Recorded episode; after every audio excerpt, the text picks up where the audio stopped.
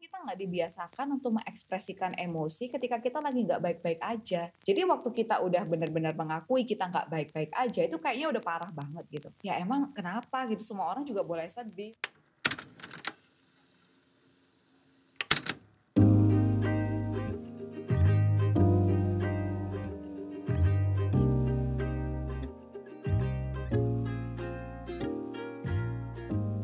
Hai guys, selamat datang kembali di podcast hashtag Zona Aman bersama gue JP. Dan gue Cheryl. Dan di sini kita akan bahas seluk beluk dari isu kesehatan mental sendiri. Di kita udah episode kedua nih Sherry, gimana nih? Iya, yeah, episode 2. Akhirnya uh, mungkin kita terima kasih dulu ya buat teman-teman di rumah atau di mana pun kalian berada. Makasih banget udah dengerin episode satu kita yang kontroversial itu.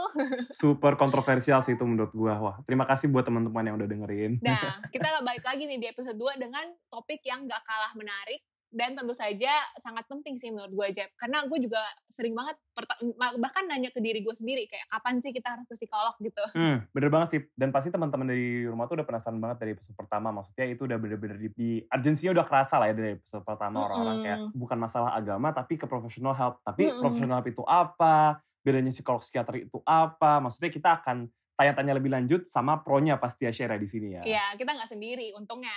Mm -mm, kalau nggak fix banget konspiratif sih. nah mungkin kita sapa dulu kali ya um, bintang tamu kita yang spesial hari ini. Halo Kak Yalis. Hai. Halo JP, halo Sheryl. Halo Kak. Thank you banget udah diajakin gabung. nah, kita thank you loh Kak. Apa kabarnya Kak Yalis? baik, tapi kayaknya baik itu is a overstatement gitu ya. Mungkin dalam kondisi sekarang ini bisa bilang I survive aja udah bagus gitu ya. ya itu udah bagus. Tapi aku juga sering bingung kalau misalnya ditanyain apa kabar, hmm, ya baik tapi ya udah biasa-biasa aja gitu kan sebenarnya wah bener iya dan sebenarnya kita udah mengalami berbagai banyak uh, perubahan kan sejak awal pandemi sampai sekarang. Jadi wow we survive gitu. Jadi ya mungkin itu arti baik uh, sekarang kalau hmm. tanya kabar tuh arti baiknya tuh itu gitu. Mungkin Kak Elis bisa kenalan lebih lanjut kayak um, psiko Kak Elis adalah psikolog yang berbasis mm -hmm. di di mana kak? Di Surabaya ya? Iya, aku di Surabaya. Makanya seneng banget nih diundang sama JP sama Cheryl. Padahal kita kayak beda kota, lumayan jauh ya. Tapi berkat apa, pandemi. iya, bener-bener bener. Terus kayak sekarang bisa ketemu di platform ini. So terima kasih banyak. Jadi aku uh, psikolog klinis yang berpraktek di Surabaya dan juga berpraktek di online um, hari ini mau bahas isu kesehatan mental nih sama Cheryl sama JP. Wow. nah, di episode ini kita akan bahas tentang kebantuan lebih kebantuan profesional yaitu mm-hmm. gambarannya gimana, kapan harus ke sana dan tips-tips kayak gimana sih caranya kita bisa uh, dibantu bersama professional help itu. Nah mungkin dari okay. kalian sendiri bisa kasih kayak observasi kayak karena stigma-stigma yang sering kita dengar nih uh, kayak kalau ke professional help tuh artinya udah parah banget ya atau apakah kita nggak punya teman atau keluarga yang bisa dipercayain sampai kita harus ke orang lain dan dibayar gitu untuk berkeluh kesah. Menurut Kak Elis mm -hmm. gimana nih Kak? Oke, okay, nah sebenarnya uh, untuk stigma-stigma yang seperti ini kita tuh nggak bisa full menyalahkan masyarakat gitu kan. Karena apa sih? Hmm, coba kita pikir ulang gitu kan, waktu kita kecil dulu, sering nggak sih kita dibilang kayak nggak boleh nangis gitu. Hmm. Anak kuat itu nggak boleh nangis, anak kuat itu nggak boleh sedih Terus misalnya seiring kita bertambah gede, kita terus dapat kayak kalimat-kalimat, ah gitu aja kok gak bisa sih, atau gitu aja kok sedih misalkan. Cuman gitu doang kok, ayo pasti bisa. Uh, terus kayak kita juga sering dikasih tahu kalau uh, misalkan cari bantuan atau cerita masalah kita ke orang tuh tabu, kita harusnya hmm. bisa menyelesaikan sendiri. Akhirnya perkataan-perkataan seperti ini nih membuat kita enggan untuk mengakui bahwa kita ini sebenarnya dalam posisi butuh bantuan dan kita ini butuh pihak lain yang lebih netral untuk hmm. melihat masalah kita gitu. Hmm. Jadi sebenarnya stigma terbentuk dari um, pemahaman-pemahaman yang seperti itu yang terus uh, diturunkan, diturunkan, diturunkan dan kita hidup dengan uh, pemahaman yang seperti itu bahwa kita harus jadi orang yang kuat bisa menyelesaikan masalah kita sendiri. Akhirnya ya kita berusaha untuk jadi uh, to stand strong alone gitu tanpa hmm. kita melibatkan orang lain. Wah itu juga sebenarnya uh, gak salah sih karena aku juga kayak dikasih tahu kayak gitu kayak eh gak boleh nangis gitu kan. Kayak untuk membicarakan kalau misalnya kita lagi sedih atau lagi susah tuh sepertinya hal yang tidak dianjurkan gitu ya. Jadi dari subconscious kita dari kecil udah ditanamin kayak gitu. Iya gue setuju sih karena gue dari kecil juga digituin maksudnya kayak sesimpel kayak tadi sih kayak kalau misalnya kita ngomong apa kabar misalnya kita jauh baik ya jauh baik jauh baik oh iya yeah, baik baik baik tapi gitu sebenarnya ya. kayak maksudnya sebenarnya kita kayak ya udah be aja gitu sih yeah. karena kayak maksudnya aside from the masalahnya ternyata masalahnya bukan masalah psikologi tapi ternyata masalah lebih jauh lebih kompleks maksudnya kesadaran akan ketika professional help tuh maksudnya sangat-sangat gimana ya kak kayak sangat-sangat kecil mm-hmm. gitu loh kak kayak, sebagai cara buat kayak ngeringanin gangguan kesehatan mental itu sendiri sih kak kayak kalau menurut aku kayak gitu. Tapi kak kalau ngomongin soal kayak professional help nih kak kan kita udah masuk udah udah dive in nih maksudnya. Uh, sebenarnya apa sih kak kayak misalnya red flags dari kalau misalnya yang, yang nunjukin kalau misalnya kita tuh benar-benar membutuhkan professional help kayak apa apakah kita harus bener-bener sakit dulu nih untuk kayak ke psikolog atau misalnya kita ternyata nggak harus sakit dulu nih kalau misalnya kita mau ke psikolog itu kayak gimana Oke, okay. nah uh, tadi aku mau mau menangkap yang pertama dulu yang kamu bilang Jeb. Jadi kayak seolah-olah kalau misalkan kita uh, mau ke psikolog itu kayak hmm apakah itu udah parah banget kayak gitu kan? Apakah itu udah masalahnya itu berat banget? Nah kesulitannya itu ya memang kita ini juga uh, unfortunately gitu kan kita tuh ada di budaya kita tuh ada di budaya di mana um, kayaknya kalau being vulnerable itu adalah something wrong gitu. Kita tuh nggak boleh hmm. terlihat nggak baik-baik aja. Kita tuh harus terlihat baik gitu kan. Hmm. Makanya kalau misalkan kita terus untuk mengakui bahwa saya itu lagi nggak baik-baik dan bahwa hmm. saya lagi butuh bantuan, itu berarti itu minta ampun gitu loh. Apalagi kita itu kayak hidup di budaya keluarga di mana ekspresi emosi itu dibatasin.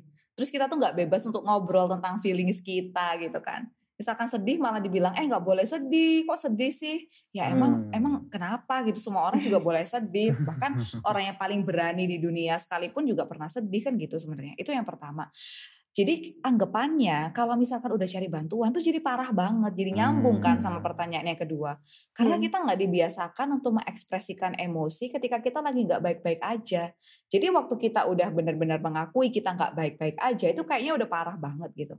Padahal kalau misalkan um, yang berpraktik sendiri, yang berkecimpung sendiri di dunia kesehatan mental, mungkin ya sebagian besar pasien yang datang ke kita itu adalah orang-orang yang aware bukan orang-orang yang sakit ya, tetapi orang-orang yang aware bahwa mereka itu butuh untuk functioning well dalam pekerjaannya, dalam relasinya, sehingga sebelum masalah itu mengganggu mereka, mereka sudah bisa melakukan serangkaian tindakan preventif gitu, supaya nggak harus ada red flags itu sendiri. Hmm.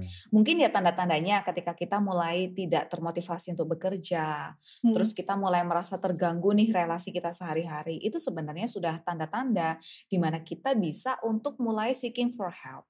Seperti itu. Jadi sebenarnya kita punya limitasi hmm. dalam kapasitas kita sendiri, makanya butuh bantuan orang yang netral dan seperti yang kakak bilang tadi, maksudnya punya latar belakang kesehatan mental gitu ya kak? Sebenarnya kalau namanya butuh bantuan itu kan nggak harus professional help, mm -hmm. tetapi mungkin di sini kita akan bicarain apa sih perbedaan dengan kita curhat ke mm -hmm. orang lain gitu ya kan sama-sama mm -hmm. seeking help nih, dengan kita tuh cari professional help gitu ya. Nah, uh, yang membedakan itu seperti ini yang namanya professional help itu yang pertama yang pasti punya background pengetahuan yang setidaknya cukup memadai lah ya. Mungkin nggak nggak expert expert banget karena kan jangkauan mental health itu luas banget gitu ya. Tetapi punya uh, knowledge yang uh, cukup untuk bisa benar-benar membantu uh, para kliennya untuk memahami sebenarnya apa yang terjadi sama dirinya. -hmm. Itu yang pertama. Lalu yang kedua dinamakan profesional karena kita tahu batasan kita, limitation kita Misalkan ada psikolog yang ekspertisnya di bidang uh, kenakalan remaja gitu. Ada juga yang di bidang seksualitas. Ada juga yang di bidang marriage gitu. Hmm. Ketika orang yang di bidang kenakalan remaja dapat klien yang membutuhkan bantuan di bidang marriage, seorang yang profesional akan merefer ke orang yang lebih kompeten. Tetapi kalau kita curhat sama misalkan sesama teman atau sesama ibu-ibu, ya kan mereka cuma punya knowledge-nya di karena pengalaman mereka sendiri. Hmm. It might help untuk kita bisa sharing informasi. Tetapi mungkin di satu titik ketika kita butuh benar-benar uh, punya pandangan orang yang netral, yang mendengarkan kita without judgment, yang bisa membantu kita untuk berpikir uh, secara lebih uh, reflektif dan netral, mungkin di sanalah mental health profesional itu bisa membantu gitu. Karena nggak nggak nggak semua orang di sekitar kita bisa punya sudut pandang yang sebenarnya dibutuhkan untuk menyelesaikan masalah kita. Gitu. Hmm, hmm. Bener sih kak, karena kalau misalnya kita nggak ngebantu tuh biasa tuh tendensi dari orang-orang tuh uh, kita tuh lebih ke self diagnose sih kalau menurut aku karena kayak mm -hmm. maksudnya banyak orang-orang yang kayak misalnya mereka tuh karena masalah yang tadi kakak semua sebutin tuh mereka tuh lebih cenderung kalau misalnya ah udahlah kayaknya I'm not that crazy or misalnya I'm not that problematic mm -hmm. I guess misalnya ya udah aku self diagnose aja nih. Tapi sebenarnya kenapa sih Kak? Sebenarnya self diagnose itu tuh bisa lebih terjadi dan maksudnya what is the implication kayak akibatnya dari self diagnose itu tuh sebenarnya apa? -hmm. Oke, okay, bicara tentang self diagnose ini sebenarnya nggak cuma terjadi di perkara mental health gitu kan. Mm -hmm. Kita aja ya, bahkan aku sendiri. itu kan misalkan mm -hmm. kita ngerasa pusing atau sakit perut gitu. Terus kita tuh Google gitu kan. Gejala pusing di malam hari. Nah itu tuh ada tuh penyebabnya ya dalam satu website gitu ya. Mulai dari kita pusing karena kurang minum mm-hmm. sampai pusing karena kanker. Itu semua tuh ada gitu loh. Panik. terus kayak kita mulai menduga-duga, aduh ya ini jangan-jangan aku ada apa namanya hmm. ada radang selaput otak. Kalau padahal ya mungkin kita kayak kurang istirahat aja kayak gitu kan. Nah sama halnya dengan mental health. Sebenarnya kita tuh um, manusia tuh punya uh, punya keinginan ya kecenderungan untuk pengen ngerti apa yang hmm. terjadi sama diri kita sendiri gitu kan. Makanya kenapa kita kadang-kadang kayak ngambil tes-tes personality karena kita pengen tahu hmm. what's happening to me sehingga kita juga googling uh, simptom-simptom yang kita rasain. Itu sebenarnya nggak apa-apa untuk kita googling supaya kita aware gitu loh kita ini sebenarnya sedang ngerasain apa tetapi kalau terus itu dilanjutin jadi self diagnose bahayanya adalah yang pertama mungkin aja kita itu mendiagnosisnya tidak tepat hmm. karena panduan diagnosis itu banyak banget dan dengan simptom yang sama tuh bisa mengarah ke diagnosis yang berbeda tergantung banget sama kayak triggernya tuh apa, pola kemunculannya seperti apa, kayak gitu tuh yang pertama. Yang kedua, takutnya kita malah confirmation bias. Hmm. Merasa kita punya kondisi tertentu. Padahal ya maybe kita nih orang yang kurang produktif, kurang berdaya. Sehingga kita nih ngerasa kayak eh, nggak well nggak well being sehari-hari gitu kan.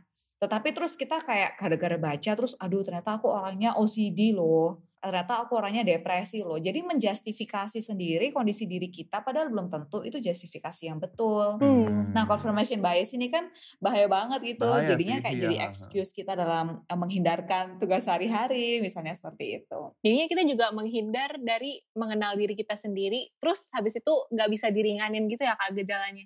Um, lebih ke ini sih jadinya kayak kurang mendapatkan bantuan yang efektif hmm, gitu hmm, kan hmm. karena kita berusaha untuk um, mencari tahu sendiri dan belum tentu itu benar gitu kan sebaliknya kalau misalkan kita melibatkan pihak netral pihak profesional itu mereka akan punya framework cara bekerja yang lebih tertata gitu.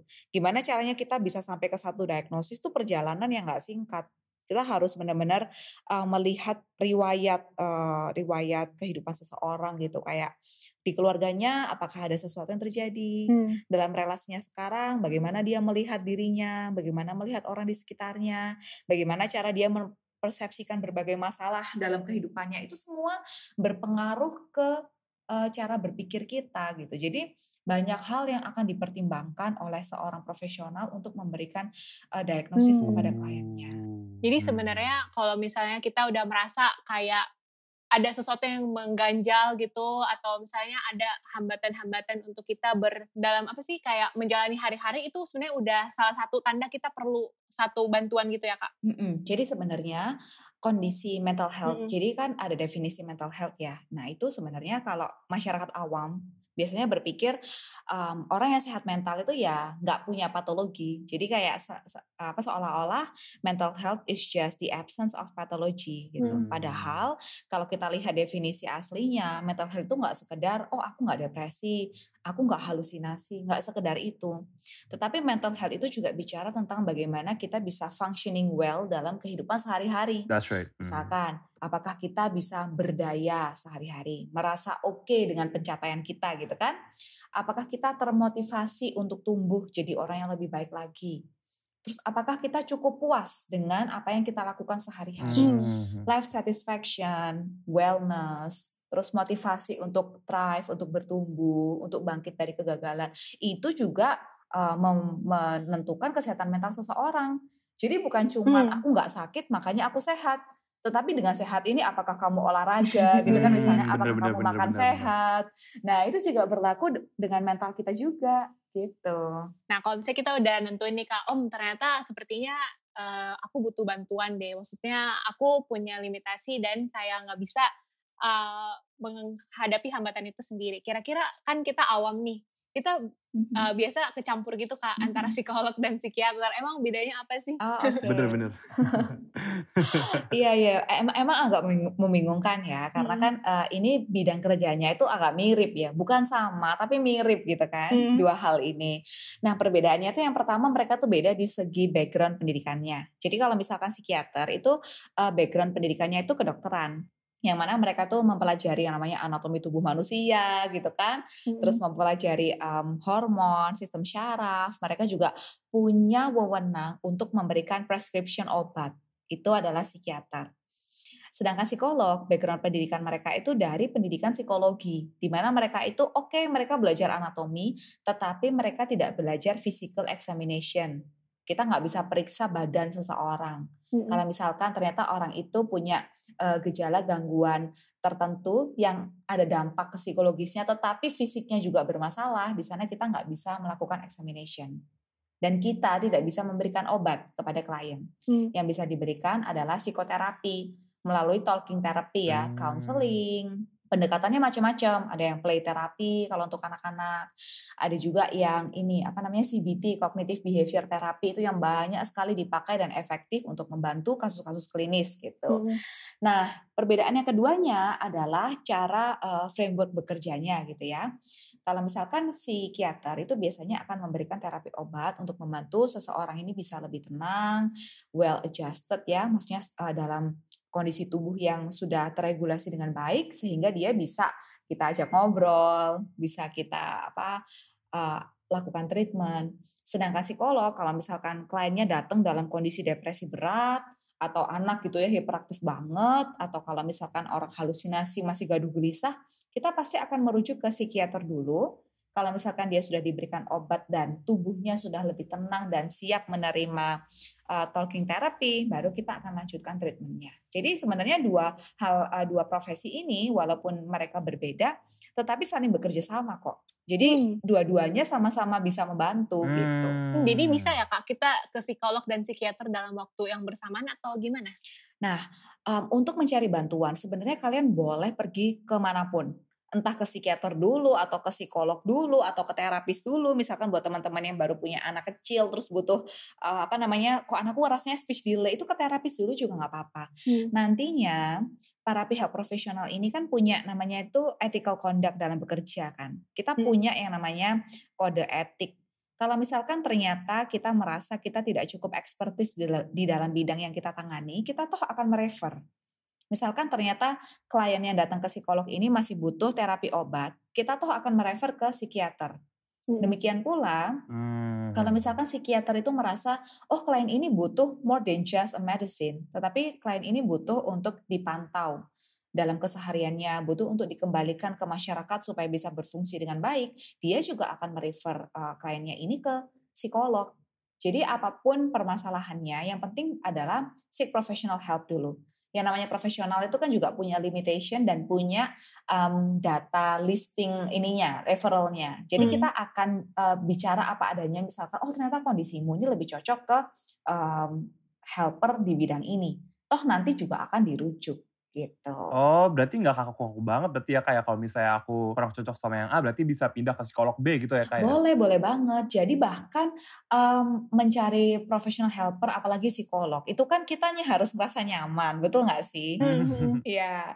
nah, nyaman itu tiap orang nyamannya beda-beda. Cocok-cocokan istilahnya. Hmm ya kan? Hmm. Jadi kita nggak bisa memaksakan sama halnya misalkan kita ke dokter gigi, kita nggak mau dong misalkan kita nggak kita kurang cocok sama dokter yang galak gitu. Yang apa namanya yang bikin kita malah deg-degan. Tapi mungkin orang tua kita justru suka dokter yang galak karena profesional misalnya. Nah itu kan cocok-cocokan banget. Itu ke psikolog juga uh, berlaku. Jadi misalkan datang ke satu psikolog terus merasa kok rasanya kurang relatable ya maksudnya kayak kurang bisa misalnya apakah expertise dia berbeda atau pembawaannya itu kayaknya nggak sesuai sama kesukaanku. Itu boleh loh bilang apa adanya.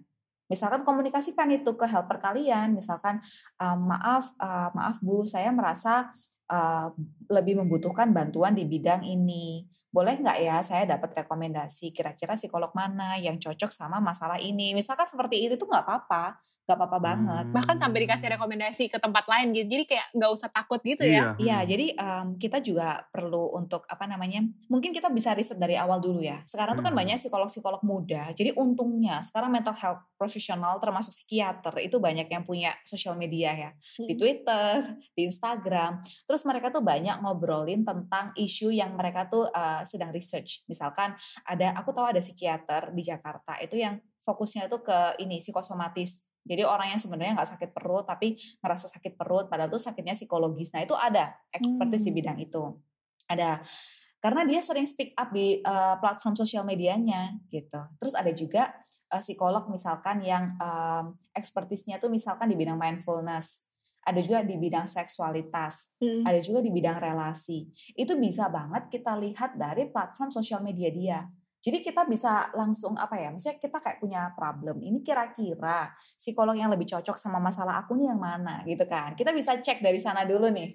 Terus misalkan kita udah menghubungi gitu kan, udah menghubungi. Nah, terus habis gitu ternyata kita kok kok ngerasanya aku pertama mikirnya punya masalah A nih. Jadi aku cocok sama dia. Oh, ternyata masalah aku ini lebih dalam di yang B. Terus kita boleh ngomong sama eh, helper kita kayak um, untuk minta tolong kita dikasihkan referral gitu. Um, menarik sih kak, karena aku juga baru tahu kalau misalnya kayak kita tuh bisa dapat referral lah bahkan sampai dari uh, psikolog A ke psikolog B dan maksudnya aku baru tahu juga nih ini maksudnya ini pengetahuan baru ya secara maksudnya kayak. Uh, jadi lebih tenang gitu jadi sih. Jadi lebih tenang. Kalau ternyata mm -hmm. satu psikolog kalau gak cocok ya nggak apa-apa ini bukan komitmen yang berkelanjutan banget gitu yang nggak yes, bisa diganti betul. kan uh, uh, ini kan bukan lifelong komitmen yang harus konsennya seumur hidup enggak enggak kayak nikah iya iya tapi itu itu hak klien loh hak klien untuk mendapatkan hmm. help yang memang sesuai dengan kebutuhan dia gitu. Dan kalau helper kalian ternyata tidak kooperatif dalam memberikan referral, boleh banget untuk meminta second opinion. Oh. Orang kita di oh. kesehatan fisik aja, misal kita ke dokter A, terus oh dibilang hmm. TBC, kita aja pasti ke dokter B gitu kan untuk tahu oh ini beneran nggak ya. Hmm. Nah sama halnya dengan kondisi mental kalian gitu, itu nggak apa-apa untuk dikomunikasikan. Hmm. Berarti buat kayak reassure gitu ya kak berarti ya? Hmm, bener okay, bener okay. bener. Tapi kak kalau buat proses kayak dapat diagnosanya dari psikolog atau maupun psikiater tuh kayak hmm. step by stepnya hmm. tuh kayak apa sih kak? Kayak apa sih yang kita dapat dari pengobatannya gitu? Mm -mm. Jadi yang pertama gini, uh, yang pertama kalian datang ke psikolog kan, biasanya kita itu akan pengen tahu kehidupan kalian sehari-hari, pengen kenal kalian itu siapa. Karena terlepas dari simptom yang dimiliki, you are a human and a human has story, gitu kan? Mm. Kalian punya cerita, kalian uh, dari keluarga yang seperti apa, di rumah sehari-hari tinggal dengan siapa, terus sekarang ini punya aktivitas apa, apakah bekerja, kerjaannya seperti apa, aktivitas sehari-hari dari bangun sampai tidur gimana. Kita tuh akan tanyain itu supaya kita kenal gitu kan. Karena pasti ada background story-nya kenapa sampai kalian datang mencari pertolongan, memiliki masalah, itu pasti berkaitan juga dengan pola asuh di masa kecil, dengan pola relasi di masa sekarang, dengan um, apa ya dengan persepsi tentang masa depan itu pasti semuanya akan berpengaruh. Nah, dalam proses interview mengenal, mengenal klien ini juga akan dilakukan yang namanya assessment hmm. menggunakan hmm. alat ukur dan juga menggunakan interview itu tadi untuk tahu oh ternyata uh, si A memiliki personality seperti ini. Jadi masuk akal ya kalau dia cemas berlebih mengenai masalah ini, misalnya kayak gitu. Assessment itu bisa banyak hal, bisa personality, bisa kualitas relasi dengan keluarga, macam-macam gitu. Nah setelah kita mendapatkan data mengenai klien ini, mengenai riwayatnya, kita mulai dapat benang merah kan, kenapa bisa sampai hmm. ke simptom-simptom ini. Lalu simptom-simptom ini juga akan kita kerucutkan, apakah ini sebenarnya sudah bisa didiagnosis atau hanya berbentuk simptom namun belum termasuk gangguan mental misalkan kayak gitu jadi nggak semua yang datang dapat diagnosis loh ya hmm. Hmm. misalnya oh anak ini memang pencemas tetapi mungkin cemasnya masih belum dalam taraf anxiety disorder. Nah, gitu kan. Tetapi de dengan segala hal yang apa namanya segala hasil dari eh, interview, observasi dan assessment tadi, kita akan mendapatkan yang namanya treatment recommendation. Jadi dengan kondisi yang seperti ini, uh, treatment seperti apa sih yang dibutuhkan? Apakah hmm. butuh uh, misalkan treatment berkala, datang konseling ya seminggu sekali, boleh di tempat saya atau boleh di tempat lain, misalkan dirujuk gitu kan? Bisa juga, uh, oh kamu ternyata butuh ketemu psikiater dulu untuk dapatkan medication. Nah itu nanti akan uh, treatment recommendation itu akan muncul setelah mendapatkan uh, diagnosisnya ini jadi mengarah ke mana gitu. Jadi at least kalau kita nggak didiagnosa ada treatment untuk meringankan gejala-gejala itu ya kak ya? Betul, walaupun tidak dapat diagnosis tetapi tetap butuh bantuan akan tetap dapat rekomendasi hmm. treatment gitu. Membingungkan nggak? Mulai Udah, mencerna sih. Uh, mulai mencerna sih kak. Tapi ternyata jadi itu ya, jadi maksudnya um, pandangan kita selama ini soal professional help tuh ternyata salah. Maksudnya um, pertama kita gak harus sakit dulu untuk bisa ke sana. Kita bisa kayak memaksimalkan potensi ya kak ya. Bahkan untuk yeah, bisa benar. beradaptasi hmm. ke kehidupan sehari-hari gitu. Iya untuk membantu functioning kita sehari-hari sih sebenarnya. Hmm. Kayak menjaga relasi kita. Bahkan sekarang ada tuh uh, misalkan premarital counseling. Hmm. Sebelum menikah mau counseling dulu supaya nantinya nggak huru hara gitu kan. Itu ada. Itu ada sekarang. Jadi it's okay. Bahkan ada aku punya beberapa klien yang mereka tuh rutin melakukan mental health check up. Hmm. jadi sebulan sekali mereka tuh datang untuk ngobrol. Jadi kayak um, kak sebulan kemarin itu aku ada problem ini ini ini terus hmm. aku nyelesainnya gini gini gini gitu. Karena ini coping strategiku bagus nggak ya Nah, da dari situ uh, helpernya bisa membantu dia untuk melihat kemungkinan-kemungkinan yang lain gitu kan. Hmm. Kayak, oh oke okay, yang ini udah bagus, terus yang ini um, kita evaluasi yuk misalkan kayak gitu. Mungkin belum kebayang juga ya, jadi yang di counseling ini tuh iya. apa sih gitu ya. ini ya curhat gitu, tapi dikasih rekomendasi dari uh -uh. ahli gitu ya kak, yang aku nangkep. Iya, nah jadi tuh gini, sebenarnya tugasnya counselor itu bukan untuk membantu kita melakukan apa yang tidak bisa kita lakukan gitu ya. Misalkan nggak bisa mikir positif lalu dibantu untuk bisa mikir positif. Nah sebenarnya tugasnya itu bukan itu. Tapi sebenarnya tugas konselor itu adalah membantu klien untuk memahami akar masalahnya terus memetakan masalahnya ini ada di mana hmm. gitu kan. Dan terus mencari resource yang dia sudah punya resource dari dalam dirinya untuk menyelesaikan masalah itu. Hmm gitu. Nah, jadi sering nggak sih kita ini punya masalah karena bukan karena itu benar-benar masalah. Hmm. Problem itu kan netral ya, situasi itu netral. Yang menjadikan masalah kan adalah persepsi kita mengenai problem itu. Makanya di salah satu bukunya Mark Manson yang uh, The Subtle Art of Not Giving a Fuck, mungkin kalian juga tahu buku itu. Oh ya tahu-tahu, yang warna orange. ya. iya, yang warna orange. Dia tuh ada bilang, a human mind is a jumble of inaccuracy kita tuh sering kali berpikir tuh nggak akurat memaknai berbagai hal di sekitar kita. Itu juga terjadi ketika kita memiliki masalah mental. Cognitive distortion ya. Jadi kita memandang masalah suatu masalah padahal kita yang mempersepsikan itu masalah. Nah, mental health professionals itu salah satu tugasnya adalah membantu klien untuk memahami kesalahan berpikirnya. Misal, klien datang dengan keluhan, aku nih uh, bertengkar terus sama pasanganku. Hmm ada masalah relasi, udah mau cerai, aku nih uh, dia tuh nggak bisa ngertiin yang aku mau. Jangan-jangan permasalahannya tuh bukan relasi dia atau ketidakcocokan dia dengan partnernya, tapi mungkin dia punya ekspektasi yang salah tentang relationship. Hmm. Misalnya kayak gitu. Hmm. Misalnya dia berpikir relationship itu seharusnya bisa membuat aku lebih baik, padahal dalam setiap relationship pasti ada yang namanya gesekan ya hmm, kan? hmm, pasti ada yang namanya bertengkar. Bahwa menjadi seseorang yang lebih baik itu bukan berarti the absence of the problem hmm. tetapi gimana cara dia cope dengan itu. Nah di sini tugasnya adalah kita membantu kalian untuk melihat berbagai macam perspektif untuk uh, menyelesaikan masalah dia. Oh gitu. kayak gitu kita kan udah ngobrol nih kade tadi kayak kita tuh udah ngobrol dari sisi individualnya nih mm-hmm. dan maksudnya kita udah ngomongin kalau misalnya kayak tadi Sheryl bilang ternyata pengetahuan aku dan Cheryl selama ini tetap profesional itu mm-hmm. salah ternyata itu tuh nggak sekaku itu dan ternyata itu tuh gak harus orang tuh sakit dulu mm-hmm. dan kita tuh kalau misalnya kita pilih psikiater kita tuh nggak usah takut salah pilih gitu lah ya kak karena mental health tuh bukan soal orang sakit tapi maksudnya itu soal gimana sih kayak kita berfungsi sehari-hari gitu kak nah itu semua kan tadi stigma-stigma yang udah kita coba dismantle di podcast ini kak. Nah kalau misalnya dalam usaha untuk gimana ya mencegah stigma ini untuk menyebar atau misalnya untuk mendismantle stigma itu di masyarakat, kira-kira mm -hmm. caranya tuh kayak gimana sih kak? Mm -hmm. Oke, okay, nah ini sebenarnya tugas kita bersama ya. Kita generasi muda di mana uh, kita masih punya ide-ide uh, kreatif untuk mengedukasi masyarakat. Hmm. Bahkan aku juga senang sekali ada platform uh, zona aman, terus uh, Shine IDN yang kalian buat. Itu sungguh apresiatif karena berarti kalian membantu para profesional terhubung dengan masyarakat di sekitar. kan hmm. kan gitu. Jadi bermanfaat buat masyarakat dan juga buat uh, mental health professionalsnya. Untuk apa? Menyuarakan kepada mereka untuk aware bahwa hmm. kondisi kesehatan mental itu sama pentingnya dengan kesehatan fisik. Hmm.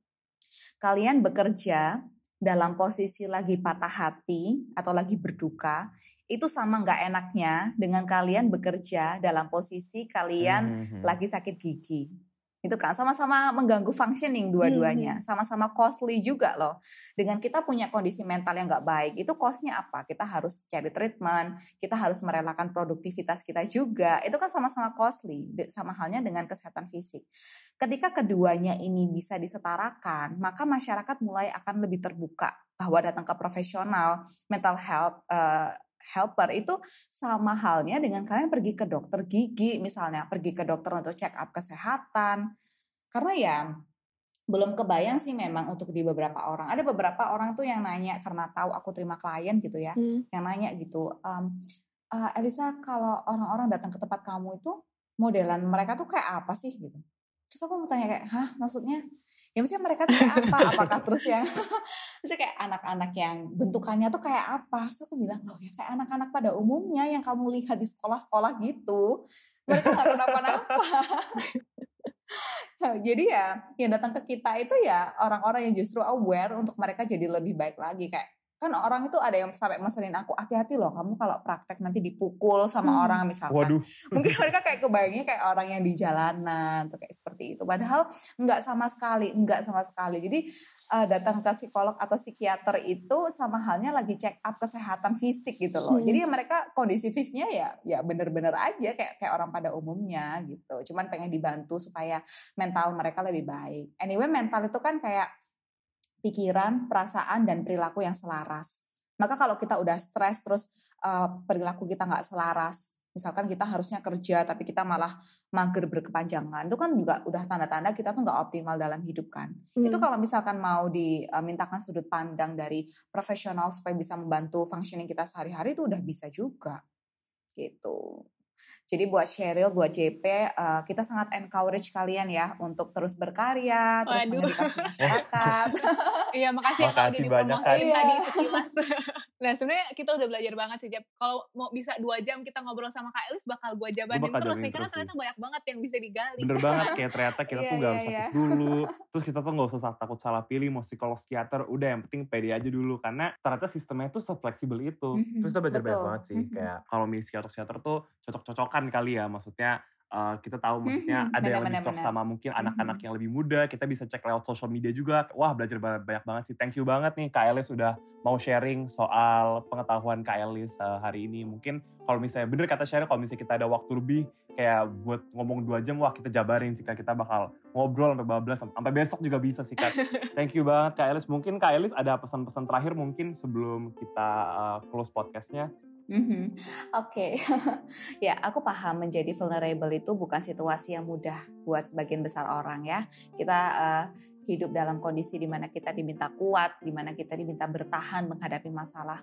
Tetapi saat kita mau uh, untuk menjadi vulnerable dan kita melibatkan orang lain untuk uh, mengintervensi masalah kita, sebetulnya itu menunjukkan keberanian kita itu nggak menunjukkan bahwa kita tuh lemah, tetapi itu menunjukkan bahwa kita adalah orang yang mau menerima um, kondisi yang kita alami dan kita mau bertumbuh dari sana. Jadi mencari bantuan tuh tidak menunjukkan bahwa uh, teman-teman adalah penakut atau teman-teman adalah pengecut. Justru karena kalian berani, makanya kalian mencari bantuan dan justru karena kalian mau bangkit, makanya kalian mau untuk diajak tumbuh bareng-bareng gitu. Jadi aku harapkan uh, siapa pun yang sedang hari ini sedang membutuhkan bantuan, reach for help. Kalian akan merasa uh, sangat terbantu, kalian akan merasa dibenahi cara berpikirnya. Di sana kalian akan perlahan-lahan tumbuh dari masalah yang dihadapi. Keren wow, thank you so much Kak Elis. Itu inspiratif banget, inspiratif dan edukatif banget pastinya share ya. Tentu saja kayak seperti biasa podcast Zona Aman tuh selalu hadir untuk menghadirkan orang-orang hebat kayak Kak Elis gitu yeah. loh yang siap sharing dan siap mengedukasi kita semua tentang isu mental health yang sangat kompleks. Bener banget, makanya jangan lupa follow akun kita di Spotify, hashtag Zona Aman, lalu follow akun media sosial kita, at ShineIDN. Dan itu dari kita semua, nama gue JP. Dan gue Sheryl. Thank you, see you soon. Bye. Bye. Thank you Kak Elis.